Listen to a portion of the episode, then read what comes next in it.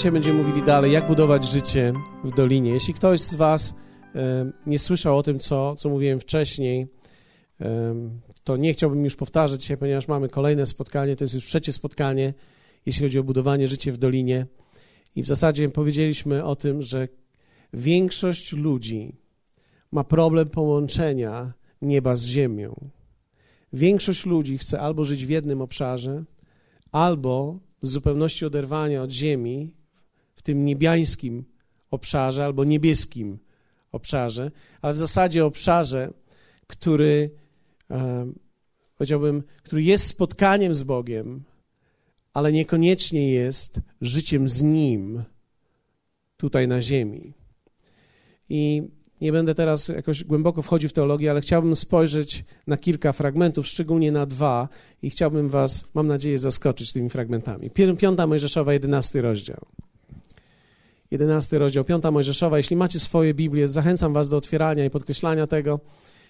Dzisiaj będziemy mieli, e, wierzę w to, naprawdę niesamowitą rzecz e, objawioną nam. Wiecie, ja mogę uczyć słowa, ale jeśli Duch Święty nie objawi Ci go, e, nic się nie zmieni. Duch Święty jest konieczny, aby słowo było objawione, inaczej będziesz słuchał kazania i nic z niego nie weźmiesz. Aby natomiast e, Duch Święty mógł objawić Tobie, musisz mieć właściwą postawę serca wobec tego, wobec tego, co słuchasz. Musisz mieć właściwe serce wobec tego, od kogo słyszysz. Dlatego, że nie możemy słuchać od kogoś, kogo nie szanujemy. Hallelujah. I tu nie chodzi o jakieś uwielbienie. Zwyczajny Boży szacunek, który jest należny każdemu z nas. I o tym, że jesteśmy nosicielami Bożego życia i Bożego namaszczenia i Bożych darów. I umiejętność rozpoznania darów nigdy nie będzie po stronie kogoś, ale zawsze będzie po Twojej stronie.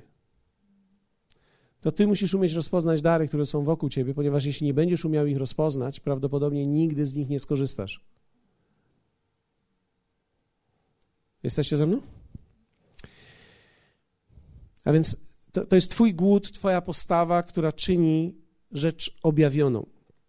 Dlatego też o wiele łatwiej często jest ludziom, o wiele łatwiej, którzy słuchają na płytach i są daleko.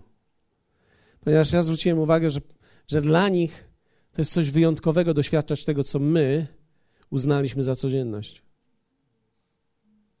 Dlatego jedną z takich rzeczy, która może się przydarzyć każdemu z nas, to jest spoufalanie z tym, co Bóg dał nam blisko.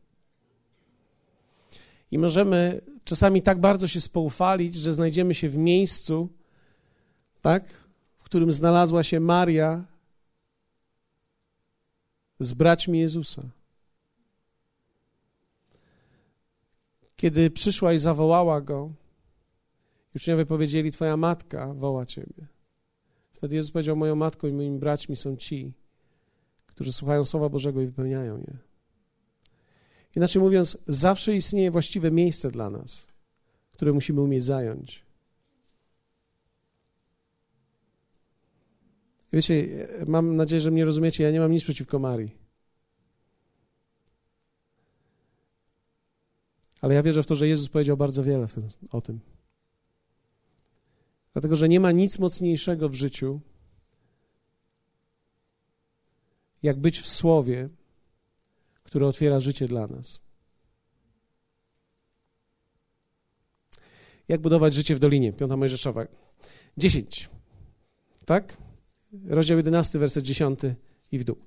Gdyż ziemia, do której idziecie, aby ją posiąść, nie jest taką jak ziemia egipska, skąd wyszliście, którą zasiawszy swoim ziarnem, nawadniałeś swoimi nogami, jak ogród warzywny.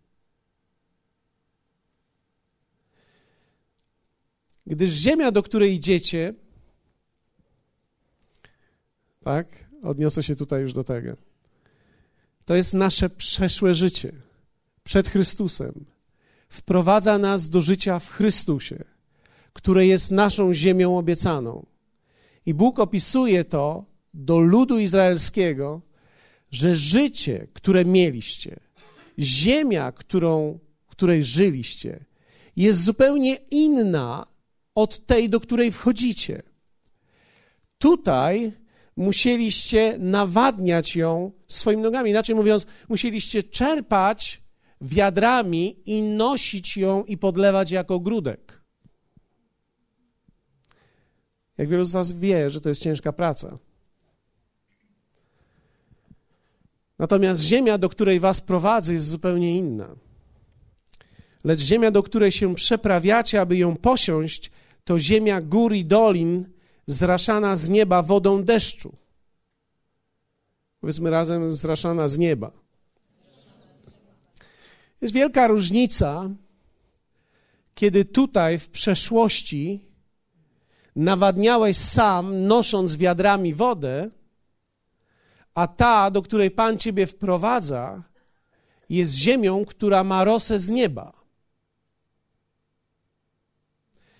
Czyli w tym miejscu, do którego wchodzimy przez wiarę, życie ma niebiański charakter. Jest podlewane z nieba. Wiecie, ostatnio mieliśmy powódź, więc możemy do tego odnieść. Powódź nie jest niczym dobrym, ale jak wielu z Was wie o tym, że susza również. Ludzie cierpią z nadmiaru wody, ale nie, niedobór wody jest również tragiczny. Kiedy trzeba podlewać samemu, to jest zupełnie coś innego, kiedy nagle we właściwym czasie masz deszcz na swoje ziarno. Kiedy we właściwym czasie spada właściwa ilość deszczu na Twoją roślinę, i teraz Ty wpływu na to nie masz, ponieważ Ty sam e, posiałeś zbyt wiele, aby to nawodnić wiadrem, więc niebo otwiera się we właściwym czasie i przychodzi deszcz na to. Jak wielu z Was widzi, że to jest zupełnie inny rodzaj życia. Bóg mówi: Ziemia, do której Was prowadzę, jest zupełnie inna. Jest to ziemia, werset 12, o którą Pan Bóg Twój się troszczy.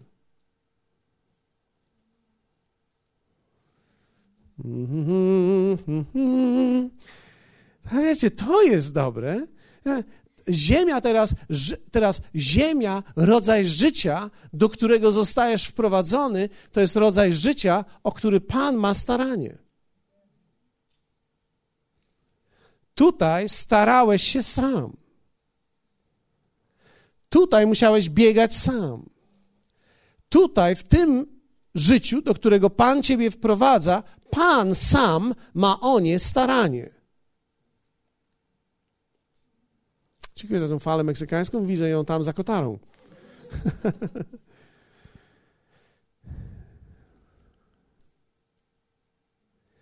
Stale spoczywają na niej oczy Pana.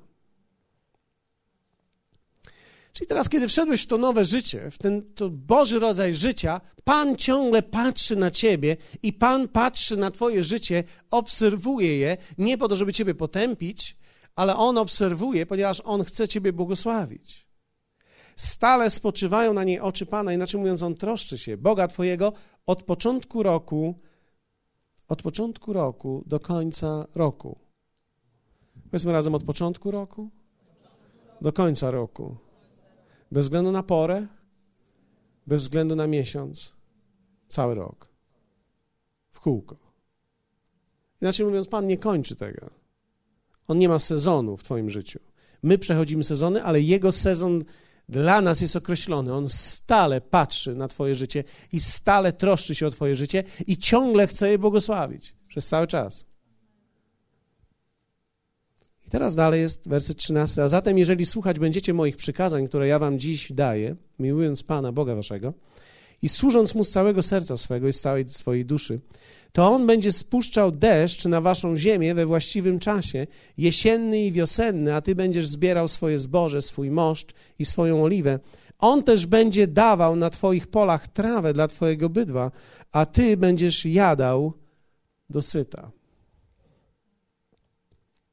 Ciekawa ta ziemia jest, do której nas prowadza. Zastanawiam się, jak wielu z Was wierzy w to. To, co przeczytałem, to jest słowo.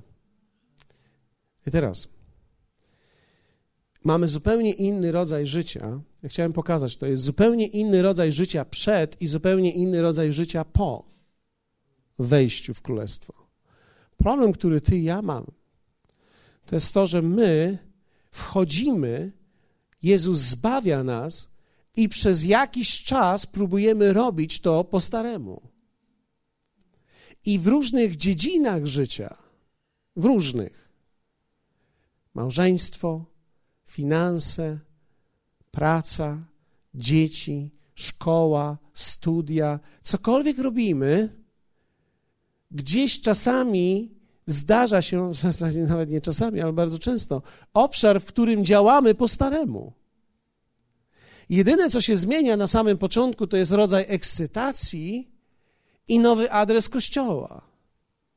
Co nie jest złe, ale wierzcie mi, my w dalszym ciągu z wiaderkami tu biegamy. My w dalszym ciągu z wiadrami tu biegamy. No dobrze. Na chwilę przerzućmy zupełnie teraz w inną stronę. Ewangelia Mateusza 7, 13, 23. Ponieważ to również jest bardzo interesujące. Jezus mówi tak: wchodźcie przez ciasną bramę. I teraz chciałbym, żebyście zwrócili uwagę, Jezus nie mówi tutaj tak naprawdę o niebie. Jezus mówi o Bożym rodzaju życia. Dlatego, że do nieba dostać się bardzo łatwo. Ten punkt osiągnąć bardzo łatwo jest, ponieważ ten punkt osiągamy przez Bożą miłość i dobroć, która nas przyciąga, i odpowiedź wiary naszej sprawia zbawienie. Zatem ciasna brama nie jest obrazem nieba, jest obrazem Bożego rodzaju życia, które jest jednak w dalszym ciągu naszą konsekwencją wyborów. Wchodźcie przez ciasną bramę, albowiem szeroka jest brama i przestronna droga, która wiedzie na zniszczenie, zatracenie, a wielu jest takich, którzy przez nią wchodzą. A ciasna jest brama i wąska droga, która prowadzi do życia, obfitego rodzaju życia. I niewielu jest tych, którzy ją znajdują. Inaczej mówiąc, tą drogę się poszukuje. Na tą drogę przez przypadek się nie wchodzi. Do obfitego rodzaju życia nie wchodzisz po prostu dlatego, że zapisałeś się do właściwego kościoła. No w ogóle tak się nie dzieje. To są wybory naszego życia. I teraz Jezus zaczyna takie słowa. Strzeżcie się fałszywych proroków, którzy przychodzą do was w odzieniu owczym, wewnątrz zaś są wilkami drapieżnymi. I teraz na co zwraca uwagę? Jezus mówi tak: Po ich owocach poznacie ich.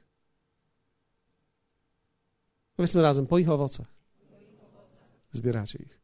I to jest temat, na który chciałbym dzisiaj zwrócić Waszą uwagę, że tutaj żyliśmy w zupełnie innym obszarze niż w tym.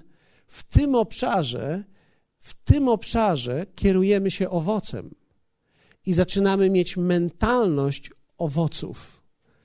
Tutaj nie. Pokażę Wam za chwilę, jaka tutaj była mentalność, ale Jezus mówi: Po owocach poznacie ich. Dlaczego po owocach? Dlatego, że wszystko inne mogą mieć w porządku. Czyli mogą wyglądać i mówić dobrze, ale owoc ich nie będzie właściwy. Bardzo ciekawe to jest. Ktoś może powiedzieć, kto jest tym drapieżnym wilkiem. Zostawmy to. Na razie to nas nie interesuje. Nie szukamy teraz ludzi. Sprawdzamy owoce. Wiecie, ja pomyślałem sobie, że jeśli my, nie my, wiecie, tu nie chodzi nigdy o to, żebyśmy my szukali wilków. Najważniejsze jest, żebyśmy my sami się wilkami nie stali. Posłuchaj. Jeśli ty będziesz w życiu swoim teraz, kto jest tym wilkiem, kto jest tym fałszywym prorokiem, e, pozwól, że ci powiem. Tak naprawdę to słowo jest do ciebie i do mnie. Jezus ostrzega nas przed nami. Nie przed ludźmi. Ponieważ patrzysz na kogoś, ciekawe, czy on jest wilkiem. Czasami trudno powiedzieć. Po ich owocach poznacie ich. I teraz, czy zbierają winogrona z cierni albo z ostu figi? Tak każde dobre drzewo wydaje dobre owoce, ale złe drzewo wydaje złe owoce. Nie może, nie może dobre drzewo rodzić złych owoców. Nie może dobre, złe, dobre drzewo, tak, rodzić złych owoców. Nie może, nie może, nie może. Powiedzmy razem, nie może. Dobre drzewo rodzić złych owoców. Ktoś może powiedzieć, no to jest proste. Nie, bo musimy najpierw zobaczyć, co jest owocem. Tak? Dlatego, że jeśli mamy dalej mentalność tego miejsca, to my nawet nie wiemy, co jest owocem i czego mamy szukać. Nie może drzewo dobre rodzić złych owoców, ani złe drzewo rodzić dobrych owoców. Każde drzewo, które nie wydaje dobrego owocu, wycina się i rzuca w ogień. Tak więc po owocach poznacie ich. Tak więc po owocach poznacie siebie. Wiecie, ja zwróciłem uwagę, że ja w ogóle nie mam problemu z ludźmi. Ja mam jeden problem, mogę mieć problem z samym sobą. Ja po owocach muszę poznać siebie, nie ludzi. Nie kogoś, siebie. I teraz werset 21 mówi tak. Nie każdy, kto, mu, kto do mnie mówi, Panie, Panie, wejdzie do Królestwa Niebios. Lecz tylko ten, kto pełni wolę Ojca mojego, który jest w niebie. W owym dniu wielu powie mi, Panie, Panie, czyż nie prorokowaliśmy w imieniu Twoim i w imieniu Twoim nie wypędzaliśmy demonów i w imieniu Twoim nie czyniliśmy wielu cudów? A wtedy im powiem, nigdy Was nie znałem. Idźcie precz ode mnie wy, którzy czynicie bezprawie. Muszę wam powiedzieć, że ja przez wiele, wiele lat zastanawiałem się nad tym fragmentem. Dlatego, że ja jestem cały za cudami. Co jest złego w cudach? Okazuje się, że cud nie jest owocem. Wow. Co jest złego w cudach? Nic. Co jest złego w prorokowaniu? Kiedy apostoł Paweł mówi, chciałbym, abyście wszyscy prorokowali. Co jest złego w wypędzaniu demonów? Oprócz tego, że trochę hałasu jest, to, to ludzie są wolni. Co jest złego, kiedy ludzie są uwolnieni? Ale zwróćcie uwagę, żadna z tych rzeczy nie klasyfikuje się w kategorii owocu. Żadna z tych rzeczy nie jest owocem. Czy proroctwo jest złe? Nie, wszyscy powinni się prorokować. Czy cuda są złe? Nie, wszyscy powinni brać udział w życiu cudów. Pierwszy cud to jest Twoje nowe narodzenie. Jeśli się dobrze nad tym zastanowisz, to zobaczysz, że to był cud. Wypędzanie demonów jest wspaniałym cudem. Mówisz wyjdź, a on wychodzi. Genialne. Człowiek się trzepał na lewo i prawo, stoi prosto i trzeźwo myśli. To jest wspaniałe. Widziałem to. Hallelujah. To jest wspaniałe. Tymczasem żadna z tych rzeczy nie jest klasyfikowana jako owoc. A Jezus mówi, po owocach poznacie ich. Hmm. Ziemia, do której was wprowadzam, jest zupełnie inna niż ziemia, w której byliście. Ta ziemia była zupełnie inną ziemią. Teraz wprowadzam was do ziemi w kategorii owocu. I teraz wprowadzam was do myślenia w kategorii owocu. Czym jest prawdziwy owoc? Posłuchajcie mnie, bo to również ma znaczenie, jaki kościół budujemy.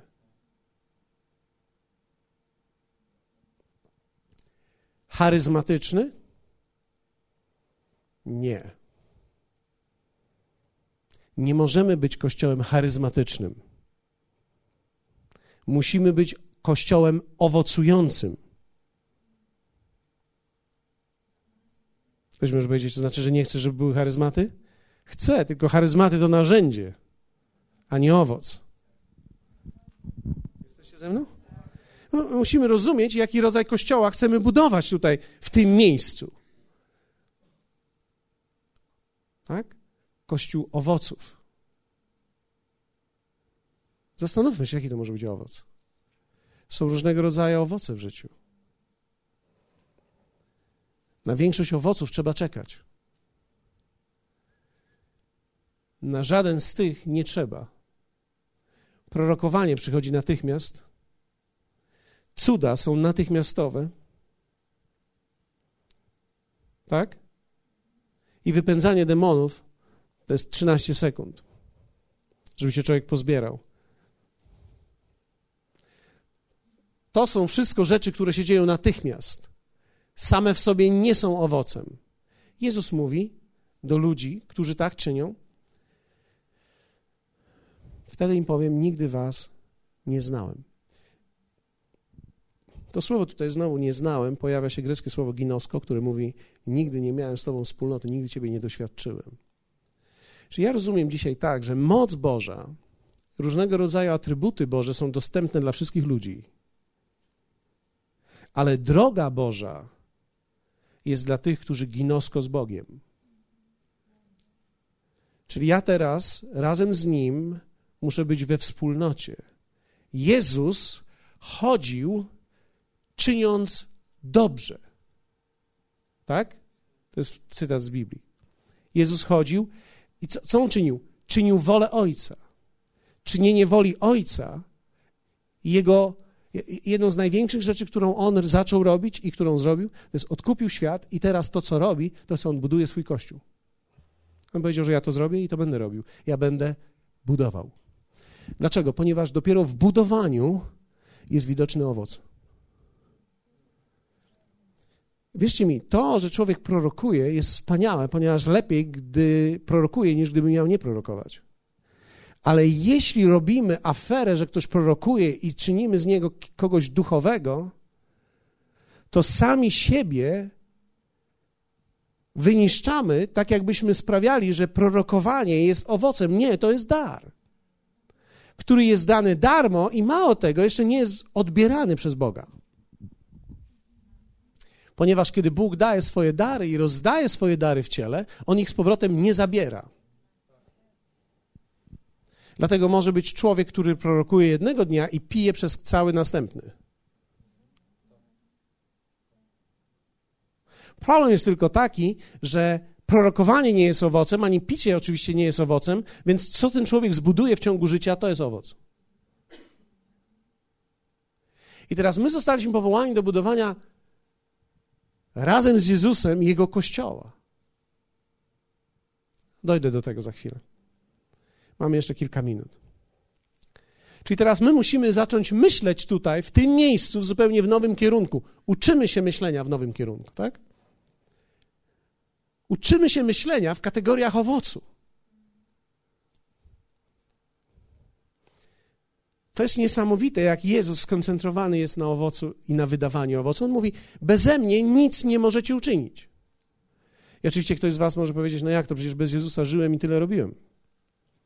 Tak, można zdziałać bez Jezusa wiele rzeczy, można dokonać wiele rzeczy, ale Jezus mówi: Nic beze mnie nie możecie uczynić. Ma na myśli: Nic z mojego królestwa beze mnie nie możecie uczynić.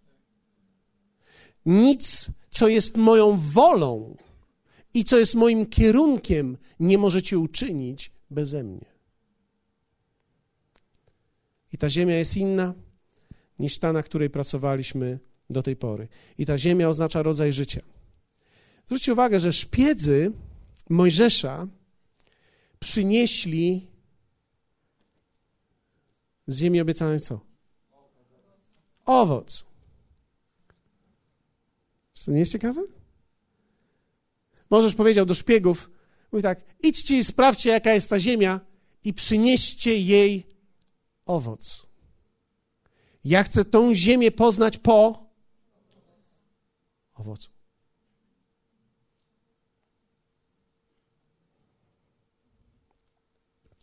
Ja myślę, że czasami Bóg może wysyła jakichś szpiegów do naszego kościoła. I mówi: idź, sprawdź do tamtych ludzi i zobacz, jaki jest owoc. Zbawienie ludzi w tym mieście nie zależy od tego, ile darów mamy. Zależy tylko od tego, ile owocu mamy. Dlatego, że jeśli szpiedzy tu przyjdą, a my szpiegów kochamy, my do wszystkich szpiegów mówimy: witajcie. Bo my rozumiemy, że jeśli oni zakosztują raz, tego, czym my żyjemy, będą mieli ciężki czas, żeby się od tego odessać. Dlatego niektórzy nawet z niechęcią czasami przyjdą, boją się otworzyć dzióbka, bo wiedzą, że jak zasają tego, to już będzie im ciężko wrócić z powrotem do tego, w czym byli. Niesamowite. I przybyli aż do doliny Eszkol i ucięli tam gałąź krzewu winnego i z jedną kiścią winogron i nieśli ją we dwóch na drążku. Nabrali także nieco jabłek granatu i fig. To oczywiście ma swoje olbrzymie znaczenie duchowe, ale ja, ja, ja tylko później powiem o tym. A więc różnice w rodzaju życia i działania. Ja nie mam dzisiaj punktów, więc słuchajcie chwilę, bo za chwilę się skończy, nie będziesz wiedział kiedy. Bo większość ludzi kojarzy to, że jak jest trzeci punkt, to zaraz będzie lądowanie. Dzisiaj nie. A więc będę chwilę mówił, chwilę mówił i koniec będzie. Więc uważajcie i budźcie sąsiada, jeśli zasnął. Czy jesteście tym zainteresowani dzisiaj, co mówię? To jest zupełnie nowy rodzaj życia. Wierzcie mi, różnice w rodzaju życia i działania. W życiu tutaj miałem ciągły niepokój. Tutaj zostałem powołany do pokoju Bożego. Inaczej mówiąc, zostałem powołany tutaj do maślanych oczek.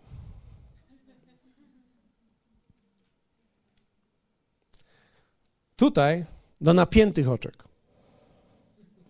No tutaj nigdy nie wiesz, z której strony i co i kto.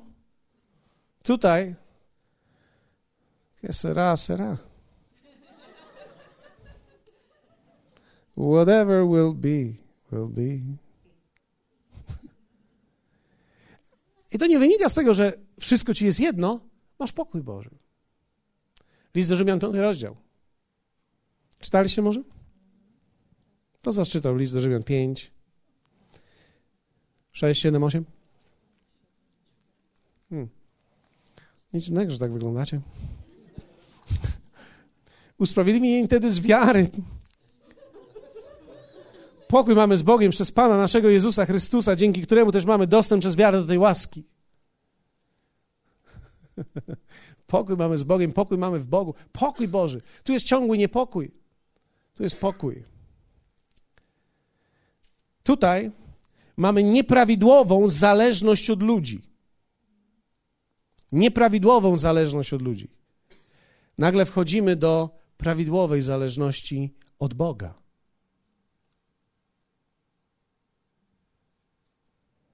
Wiecie, prawidłowa zależność od Boga to jest zależność taka, że On chce z Tobą współpracować. On niczego za Ciebie nie zrobi w życiu. To jest prawidłowa zależność od Boga. Nieprawidłowa religijna jest taka, pomódlmy się, niech On coś zrobi. A chrześcijaństwo mówi, pomóc się, żebyś wiedział, co On robi, żebyś Ty mógł też się dołączyć do tego, co On robi. Czyli prawidłowa zależność od Boga. A to czy mógłbyś być Bogiem na chwilę? Spróbuj. No to wyobraźmy sobie, że może spróbujmy to zrobić. To, to będzie bardziej. Bóg teraz, budując swój kościół, przesuwa tą tablicę w tamtą stronę. I on chce ją przesunąć w zasadzie ja powinienem ją przesuwać. On daje mi powołanie, żebym ją przesunął. Ale on daje mi powołanie, żebym ją przesunął, więc ja nie mam jej sam, on musi współdziałać ze mną. Więc religia mówi, Boże, przesuń tą tablicę. Przesuń tą tablicę, przesuń tą tablicę, Boże, przesuń tą tablicę. Niektórzy się tak modlą, niektórzy się tak modlą nad rachunkami. Boże, niech te rachunki znikną, niech znikną. Panie, przesuń przecinki w rachunkach. Panie, Panie, mieszam rachunki, żeby zamieszać rachunki. Nie. E, pcham, pcham. Panie, weź to ode mnie, daję Ci to. Niektóre rzeczy Bogu dajemy, niektóre rzeczy z Nim robimy. Nie wszystko Mu oddajesz. Co to znaczy oddać Mu pracę? Kiedy oddajesz Mu pracę, to oznacza, że nie idziesz jutro do pracy? Kiedy oddajesz mu pracę, oznacza, że oddajesz jemu, co się będzie działo w tej pracy. Inaczej mówiąc, ufasz jemu, że to, co się będzie działo, będzie prowadzone i on będzie ciebie prowadził w tej pracy. Więc kiedy teraz ja oddaję jemu tą tablicę, ponieważ chcę ją przesunąć, to znaczy, że chcę ją przesuwać razem z nim i razem z nim współpracuję. Dziękuję bardzo, panie. Wiecie, jak to jest prosto współpracować z Bogiem. Więc mamy prawidłową zależność od Boga. W tamtym miejscu, tutaj, w tym miejscu. Albo się będę mylił. Dziękuję Ci, Panie. Czasami, czasami, czasami chcemy czegoś bardzo w życiu i przesuniemy to razem z Nim, a później mówimy: Nie, Panie, nie chcieliśmy tego, bo możemy wrócić z powrotem. Nie mówcie, że tak nie ma w życiu. Czasami naprawdę, czasami On pozwoli ci zrobić coś po Twojemu. Żebyś później mógł się odwrócić i powiedzieć: Ja tego nie chciałem jednak. Jakie to jest piękne, że On się nie męczy. A więc prawidłowa zależność od Boga. Tutaj Mamy wiele pracy bez odpoczynku. Jako robota. No robota taka. Tylko robota, bez odpoczynku. Tutaj byliśmy pod reżimem. Robiliśmy i też dla kogoś. Ten ktoś pozwala nam tylko przeżyć. Tak się żyje w świecie. Ktoś może powiedzieć i zadać pytanie, no a jak mamy nie żyć w świecie? No właśnie, dobrze, że zapytałeś, to właśnie ci tłumaczę teraz. Ktoś może powiedzieć, czy to zadziała? Tak, działa to. Działa to wśród milionów ludzi. I dzisiaj jesteś ty zaproszony do tego rodzaju życia. Ale to się automatycznie nie stanie, ponieważ zostajesz zbawiony. Kiedy zostajesz zbawiony, zostajesz wyposażony, aby ten rodzaj życia mieć. Ale bez Twojego zaangażowania i bez Twojego poddania i bez Twojej chęci współdziału w nim i poznania nic się nie może wydarzyć. Dalej tam mamy niepewną przyszłość. Boże, co to będzie? Co to będzie teraz? Czekaj, co to będzie teraz? Co z moją przyszłością? Co z moimi dziećmi? Co się będzie działo? Spójrzcie, jaki ten świat się robi okropny. Co to będzie w ogóle? Strasznie, kryzys. Straszne. Co to będzie? Powiedzmy razem, co to będzie? No właśnie. Co to będzie? Natomiast w Bogów weszliśmy w zupełnie nowy rodzaj życia, którym jest pewność przyszłości. Apostoł Paweł powiedział takie zdanie. Albowiem tego jestem pewien. Coś w życiu musisz być pewien. I teraz on był pewien swojej przyszłości, że ani moce, ani zwierzchności, ani żadne inne stworzenie nie jest w stanie odłączyć mnie od Pana. I teraz, jeśli nie jest w stanie odłączyć mnie od Pana, no to o co ho? O co ho? Co? O co teraz? Teraz tutaj, co będzie z nami? A tutaj wiadomo, co będzie. Wiadomo, że będzie dobrze, ponieważ jesteśmy z Nim. Nic już nam się nie może stać. Jeśli będziemy lecieli samolotem i, i zginiemy, idziemy prosto do nieba. Ktoś może powiedzieć, to straszna śmierć. Ja widziałem straszniejsze. To jest szybka. Ja myślę, że jedyna, jej, jej, jej, jedyny jej problem jest taki, że jest zaskoczenia. To jest zaskoczenia. Ale fakty są jednak takie, że jesteśmy pewni naszej przyszłości, ponieważ ona jest w Bogu. Więc mamy tam niepewną, mieliśmy przyszłość, tutaj mamy pewną przyszłość. Więc ja, ja po, pozwólcie, że tylko opiszę chwilę jeszcze ten rodzaj życia. Pokój Boży, prawidłowa zależność od Boga. Tu mamy wiele pracy bez odpoczynku, a tutaj mamy pracę w pasji, odpocznieniu i w radości. Posłuchajcie mnie. Jeśli pracujesz i nie masz w tym pasji, i nie pracujesz w wierze i w odpocznieniu, i nie masz w tym radości, zmień pracę. Prawdopodobnie nie jesteś w woli Bożej albo nie wiesz, czy jesteś. Bo możesz być, ale jeśli nie wiesz, że to jest wola Boża, jest ci ciężko.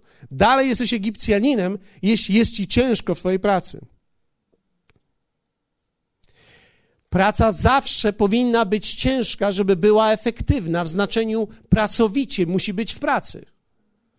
Tak?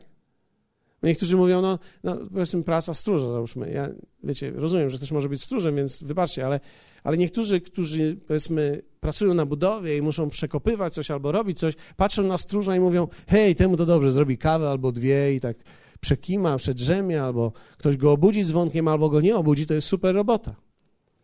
Ale wiecie, w pewnym sensie praca musi przynosić tobie radość. Ty musisz czuć, że ty masz radość z tego, co wykonujesz i czy ty robisz to w radości, ponieważ to jest wtedy błogosławieństwo dla ciebie i dla wszystkich innych.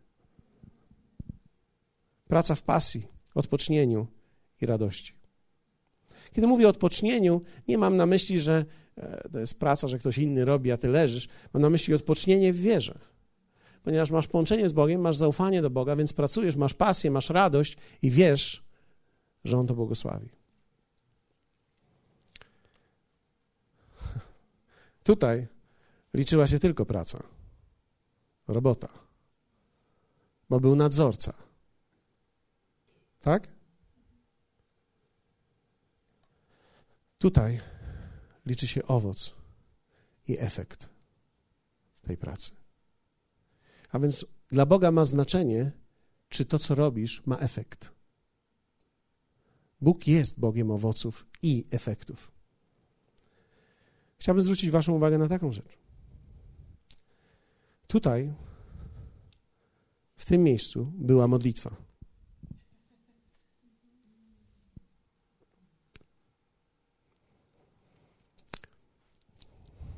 Ja nie wiem, jak ktoś z Was łyknie to, to jest dojrzały. Małe, wąskie gardła nie przejdzie, więc wyplujcie szybko, żeby się nie zadławić. Tu jest modlitwa. Wszystkie religie się modlą i im bardziej religia jest religią, tym bardziej się modli.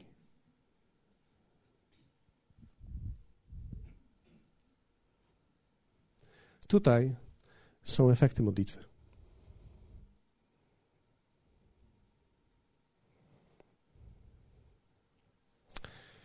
Dlatego Jezus nie uczył swoich uczniów modlitwy.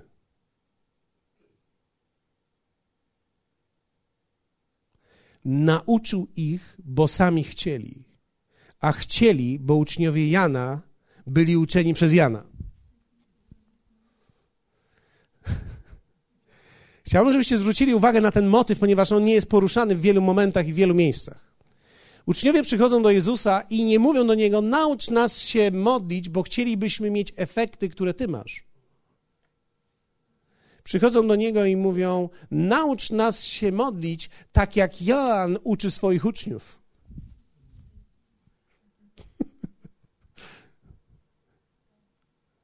A Jezus mówi: Jeśli chcecie się modlić, módlcie się w taki sposób.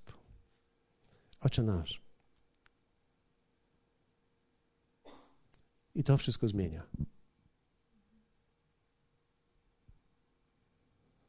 Ponieważ on o nich mówi tak, jeśli chcecie się modlić, módlcie się w aspekcie i w kontekście relacji. Bo tylko relacja przyniesie owoc i efekt. Dlatego też ja zawsze biorę na muszkę wszystkich, którzy mówią, że lubią się modlić.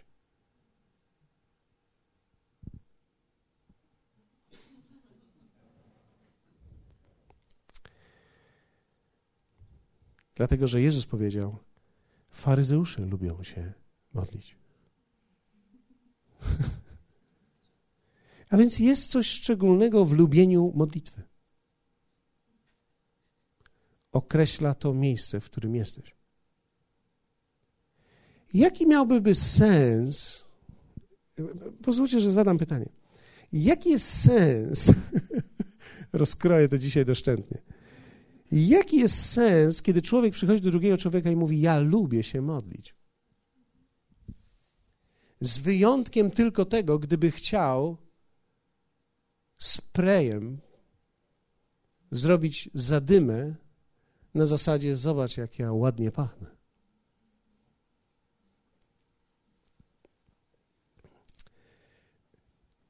Kiedy ktoś mówi, że lubi się modlić, chce zwrócić uwagę na swoją duchowość i chce rzucić wyzwanie Tobie, którego uznaje za mniej duchowego.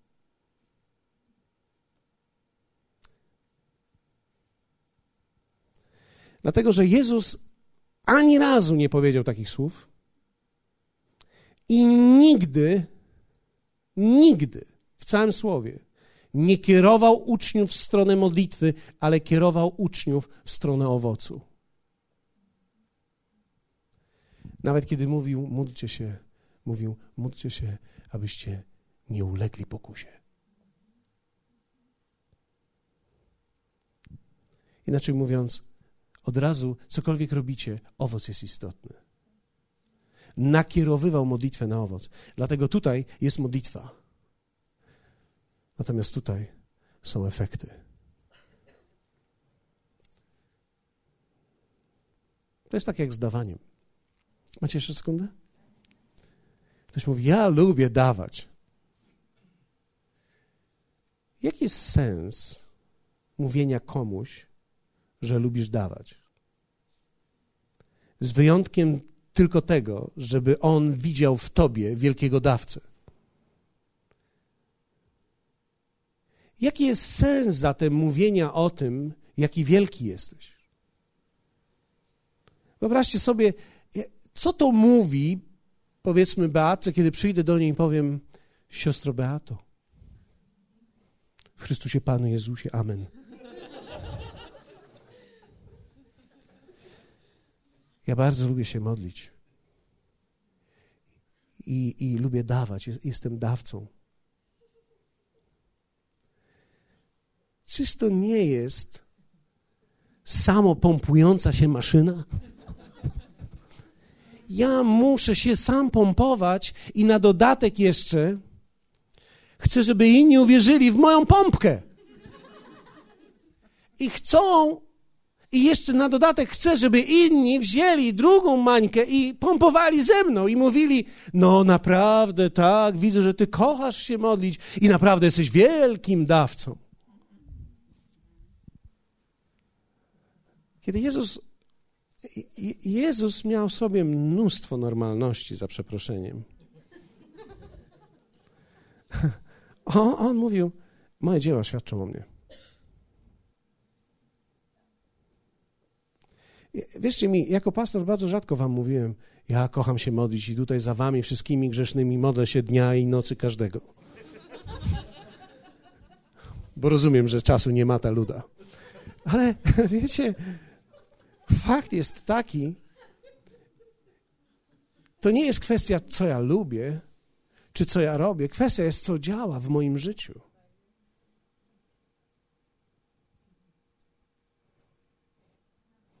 Jaki jest sens, kiedy przyjdę do kogoś z was i powiem wam, a ja mam fajne krawaty,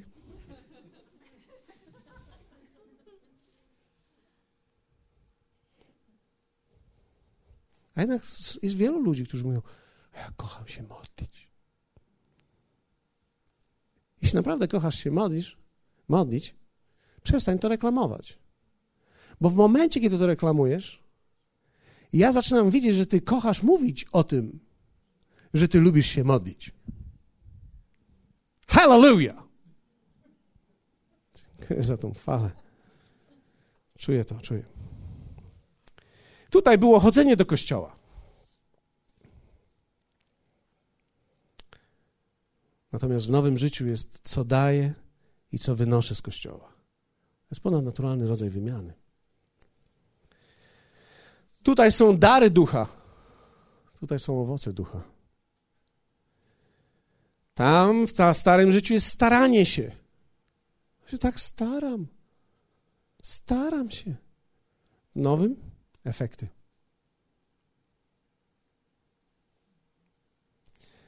Wierzcie mi, życie, życie jest życiem efektów. Moja żona, ona przez dłuższy czas będzie słuchała, że ja się staram, ale po pewnym czasie powie: Hej, ja już to słyszałam. Ja chcę coś zobaczyć. Nie widzisz, że się staram? Przymocuj tą szafkę. Nie gadaj tyle. I wiecie, ja mogę mówić, że ja się staram okazać Ci miłość. Weź lufę odkurzacza i pochodź z nią trochę. Przestań czarować cały czas. Mówić. Ja się tak staram. Efekty. Tutaj najważniejsza sprawa to potencjał. O, jakie ja mam skrzydła. Wiecie, okazuje się, że często te ptaki, które mają największe skrzydła,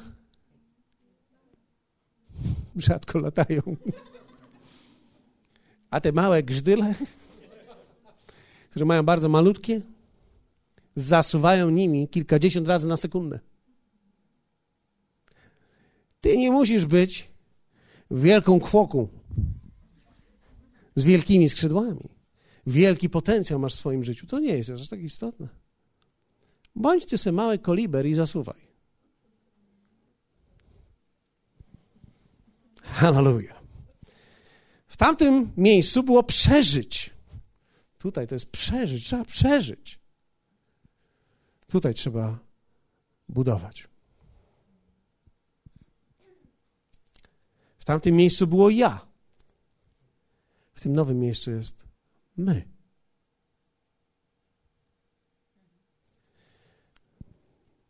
Teraz pozwólcie, że powiem coś na temat konferencji, bo niektórzy się boją mi powiedzieć, że jadą na konferencję gdzieś. Konferencje są dobre. Ja sam jeżdżę na konferencję. Tutaj towarzystwo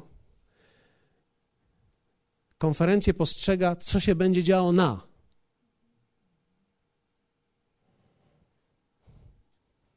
A tutaj, co się będzie działo po. Tutaj może masz ciary jak gęś. Ale było fajnie. Ale tutaj jest zmienione życie, które jest pod wpływem decyzji na dobrej konferencji. Życzę Wam dobrej konferencji. To jest, kwestia nastawienia. Tutaj jest uzdolniony. Uzdolniony. Tutaj jest użyteczny. My mamy mnóstwo zdolnych ludzi. Czasami rodzice przychodzą do mnie i mówią tak, moje dziecko jest takie zdolne. Większość dzieci to zdolne dzieci. Tylko mówią zdolne, ale leniwe. Czyli co za tym idzie, jest zdolne, ale nieużyteczne. Tak, ponieważ zdolność nie jest użytecznością. Człowiek może być zdolny, ale jeśli nie jest użyteczny, jeśli nic nie zrobisz z tym, z tą swoją zdolnością, to jest za mało. Tutaj jest popularność. Ludzie muszą Cię lubić. Popularność to jest, gdy ludzie Cię lubią. Tutaj mamy szczęście. Szczęście jest wtedy, gdy lubisz siebie. I to jest zupełnie nowy sposób patrzenia i życia. Zwróćcie uwagę, zanim podejdziemy do wieczerzy, bo dzisiaj idziemy, dzisiaj idziemy do ziemi obiecanej. Dzisiaj idziemy po owoc. Oni przynieśli we dwóch kiść winogron na drzewcu. Inaczej mówiąc, poszli do ziemi obiecanej i przynieśli fragment odkupienia.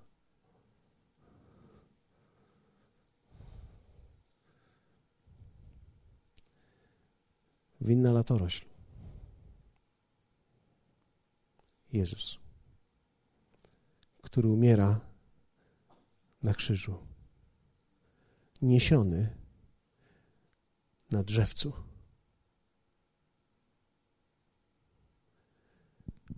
Na ramionach. Nie jednego, dwóch.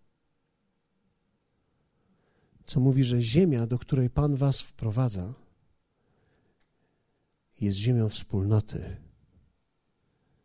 nie jednego z Was. To nie jest jak szaber po przesiedleniu. Kto pierwszy chwyta najlepszy dom? Mieliśmy to w 45. Ludzie się przeprowadzali. Zostawił strzechę tam, zobaczył cegłę tu i mówił: Wow. Był pierwszy przed wszystkimi, złapał to, mówi: To moje. Napisał 5A. Moje. Tam powiedział: Tam wejdziecie i będziecie razem zdobywać. I to jeszcze będzie tak, że wszystkie pokolenia będą zdobywać po kolei dla wszystkich, aż wszyscy zdobędą. I wtedy każdy zamieszka. Czyli jest coś w tym nowym życiu, co sprawia, że jako wspólnota i jako Kościół możemy stać się bardzo wyjątkowi w tym, jeśli tylko pójdziemy w stronę owocu. Jeśli tylko pójdziemy za owocem, ponieważ ten owoc połączy nas. Dary dzielą, owoce łączą. Spotkałeś kiedyś dwóch młodych wierzących? Oni często mówią, jakie ty masz dary? Prorokuję, mówię językami. A ty jakie masz? A jeszcze mam widzenia nocne. O, to ty... o, to ty masz trzy, ja mam dwa. A ja jeszcze, jak się tak rozmodlę, to się drżę cały. O, to ty drżysz jeszcze i masz widzenia i prorokujesz i mówisz językami. Masz cztery takie super dary. Wiecie, dary dzielą. Owoc łączy. Dlatego, że z owocu wszyscy mogą korzystać. Dar ktoś może mieć, ale z owocu, jeśli ktoś jeden ma owoc, wszyscy z niego mogą korzystać. Zwróćcie, zwróćcie uwagę na to, co się stało. Jezus przyniósł owoc życia i wszyscy z niego możemy spożywać. Wystarczy, że jeden mądry się w kościele znajdzie i wszyscy z tej mądrości mogą skorzystać. Wystarczy, że jeden człowiek będzie miał prawdziwy owoc w czymś i wszyscy inni będą mogli z tego skorzystać. Hallelujah. Dlatego tak wiele jest odpowiedzialności na Tobie i w Tobie. Także możesz to wszystko wziąć dzisiaj, ponieważ Bóg nie wprowadza nas do ziemi darów, wprowadza nas do ziemi owoców. I to jest zupełnie nowy rodzaj życia. I wierzcie mi, ja się uczę na nowo tego życia. Ja ciągle się uczę tego życia. Ja już jestem w tym życiu parę lat, ale w dalszym ciągu uczę się na nowo. Nie na nowo, w sensie ciągle od nowa. Nie, uczę się jakby nowych obszarów, zupełnie nowych dziedzin. Hallelujah. Uczę się, kiedy wracam do domu, e, nawet to, co śpiewaliśmy, wszystko będzie dobrze. Uczę się tego. Ponieważ kiedy widzisz czasami okoliczności życia, nie widzisz, że wszystko będzie dobrze. A więc uczysz się widzieć rzeczy przez wiarę, bo to jest nowy rodzaj życia, do którego zostałeś wprowadzony. Powstańmy razem. Hallelujah. Chciałbym dzisiaj, abyś podszedł dzisiaj tutaj. E, wiecie, nie wiem, jak to zrobimy, e, ale myślę, że to byłoby genialne, gdybyśmy mogli to zrobić w taki sposób.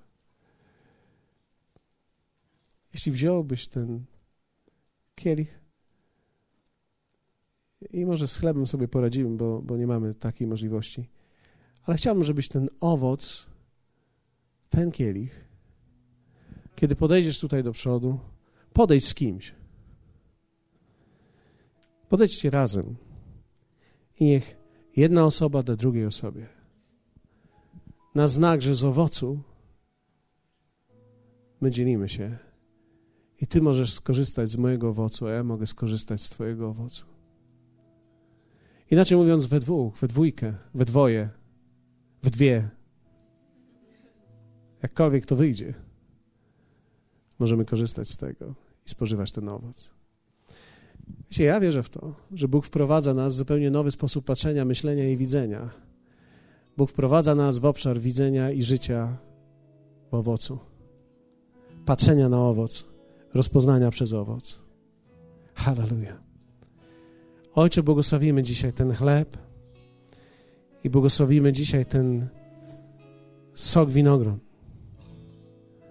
Dziękujemy Ci za to, że Ty powołałeś nas do życia tą ziemią obiecaną, do której my wchodzimy dzisiaj. I nawet kiedy weszliśmy już może lata temu, to wchodzimy tak jakby ciągle na nowo. I dziękujemy Ci za to, że możemy mieć udział w tym nowym życiu. Dziękuję Ci za to, że wprowadzasz nas do tego zupełnie nowego rodzaju życia życia pokoju, życia pewności, życia wolności dzieci Bożych, życia bez lęku, pokonania lęku. Także niczego ani nikogo nie muszę się bać, ponieważ Ty patrzysz na tą ziemię przez cały czas. Spoglądasz na nią cały czas. Od początku roku do końca roku Ty patrzysz na nią. Dlatego przyjmuję to, co masz dla mnie w imieniu Jezusa. Amen.